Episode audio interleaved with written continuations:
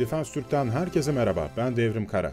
6-12 Ocak 2020 haftasında Türkiye'de ve dünyada meydana gelen savunma ve güvenlik gelişmelerini sizlere aktaracağım. Bu hafta Türk savunma sanayinde pek çok gelişme oldu. Savunma Sanayi Başkanlığı'nın açıkladığı 2020 yıl hedefleri gündemde önemli bir yer kapladı. Dünya geneli gelişmelerde ise F-35 başlığı öne çıktı.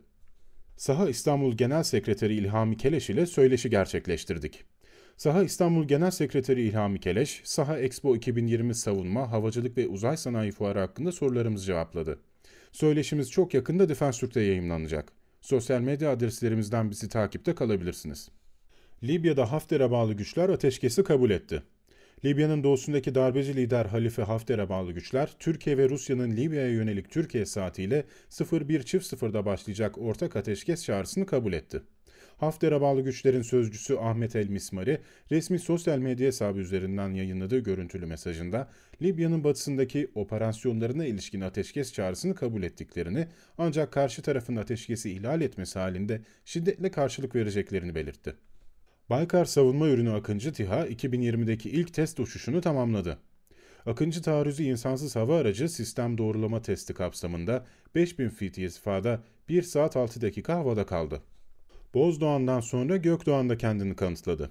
TÜBİTAK SAGE tarafından geliştirilen radar arayıcı başlıklı ilk milli görüş ötesi havadan havaya füzemiz Gökdoğan, gerçekleştirilen testte hedefe yüksek başarıyla angaja oldu.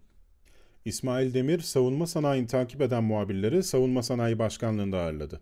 Savunma Sanayi Başkanı Profesör Doktor İsmail Demir, Savunma Sanayi Başkanlığı'nda gerçekleştirilen basın toplantısında önemli açıklamalarda bulundu.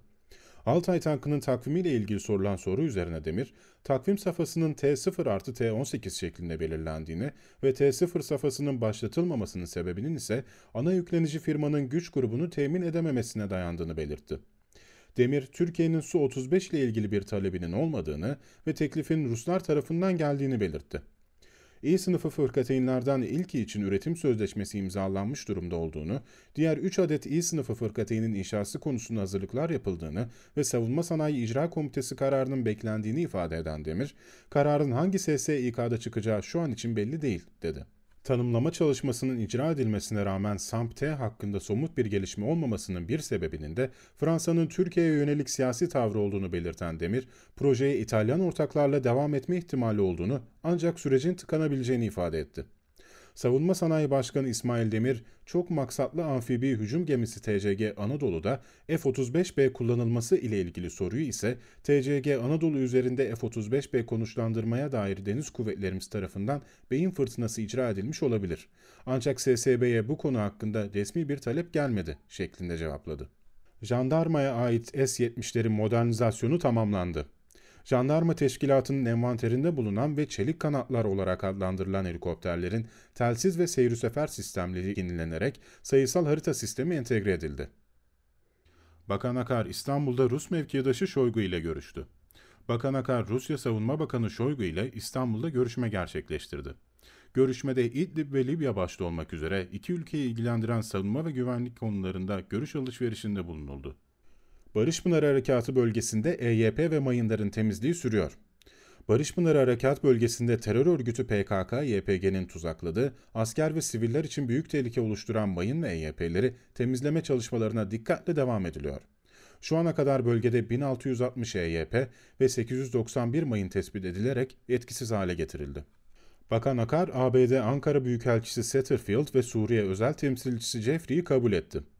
Milli Savunma Bakan Yardımcısı Yunus Emre Karaosmanoğlu'nun da hazır bulunduğu görüşmede başta Suriye olmak üzere bölgesel güvenlik konularında bilgi ve görüş alışverişinde bulunuldu. SEDEK Türkiye 2020 Ankara'da gerçekleştirilecek. Defens Türk'ün medya sponsoru olduğu SEDEK Türkiye 2020'de sanayi boyutu ile ele alınacak.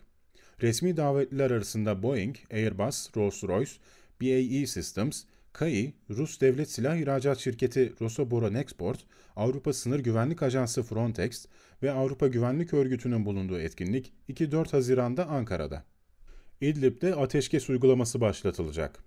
Milli Savunma Bakanlığı'nın açıklamasına göre Rusya Federasyonu ile sağlanan mütabakat çerçevesinde İdlib gerginliği azaltma bölgesi içerisinde 12 Ocak 2020 saat 00.01'den itibaren ateşkes uygulaması başlatılacak.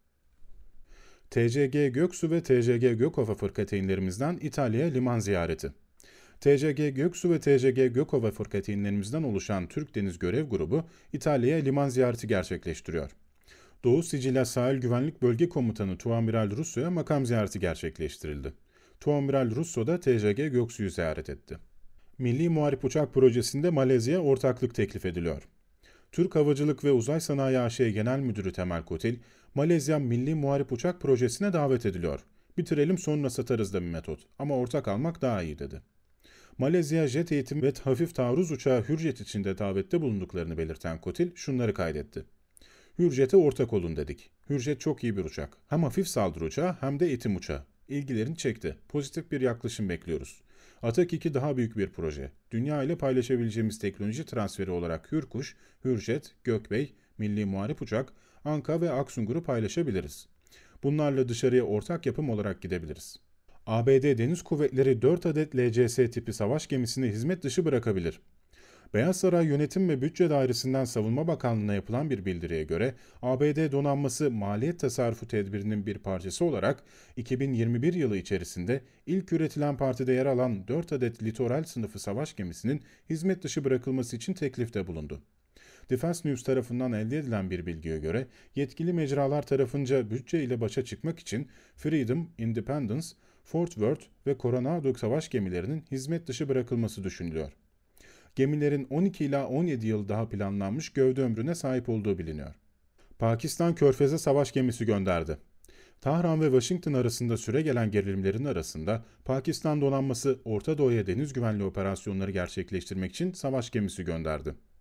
Pakistan'ın Servisler Arası Halk İlişkiler Bürosu'ndan bir yetkilice ise Ocak'ta Pakistan donanmasının Basra Körfezi ve Umman Körfezi'ndeki deniz güvenliği operasyonları için Zülfikar sınıfı fırkateyn gönderdiğini doğruladı. Singapur'un F-35B talebi onaylandı. Amerika Birleşik Devletleri Dışişleri Bakanlığı, yabancı asker satışlar kanalı ile Singapur'a 12 adet 5. nesil F-35B'nin satışını onayladı. Savunma Güvenliği İşbirliği Ajansı yani DSCA, bu olası satışı kongreye bildiren gerekli sertifikayı 9 Ocak'ta verdi. Sözleşmenin tahmini maliyeti 2.75 milyar dolar olarak açıklandı.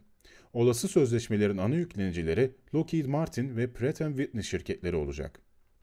Orta Doğu yanıyor. İran ABD üslerini vurdu.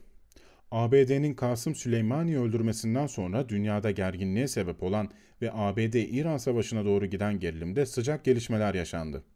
İran Devrim Muhafızları Ordusu, ABD'nin Irak'taki Ayn el-Esed hava üssünü onlarca füzeyle vurduğunu duyurdu. Trump yönetimi ve Pentagon saldırılardan hiçbir ABD askerinin etkilenmediğini duyurdu.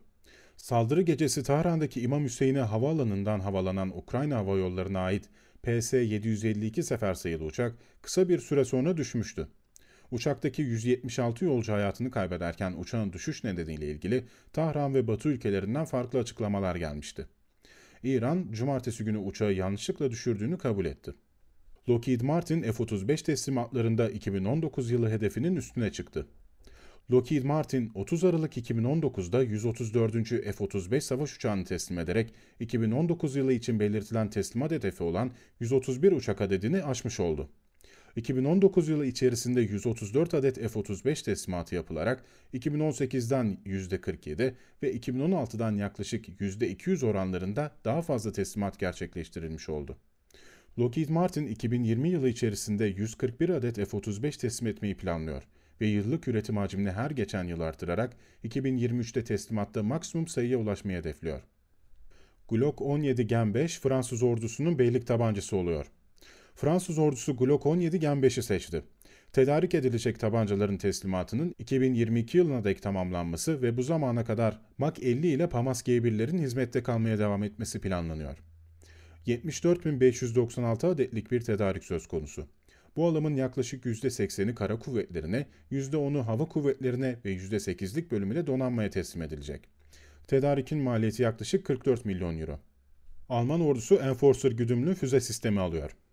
Strateji and Teknik'in aktardığına göre Alman ordusu MBDA Systems'ın teker omuzdan atılır güdümlü füze sistemi Enforcer tedarik edecek.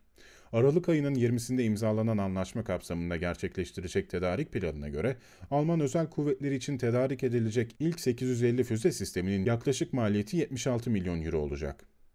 Amerikan ve Rus gemilerinden tehlikeli manevralar. 9 Ocak 2019 Perşembe günü Amerika donanmasının 5. filo bağlısı Arleigh Burke sınıfı Destroyer USS Farragut ile Rus donanmasının Karadeniz filosu bağlısı Admiral Ivanov sınıfı keşif istihbarat gemisi Ivan Kurs, Umman denizinde çarpışma tehlikesiyle karşı karşıya kaldı. Haftalık savunma ve güvenlik gelişmelerini bildirdiğimiz podcast yayınımızın sonuna geldik. Bir sonraki yayında görüşmek üzere. Hoşçakalın.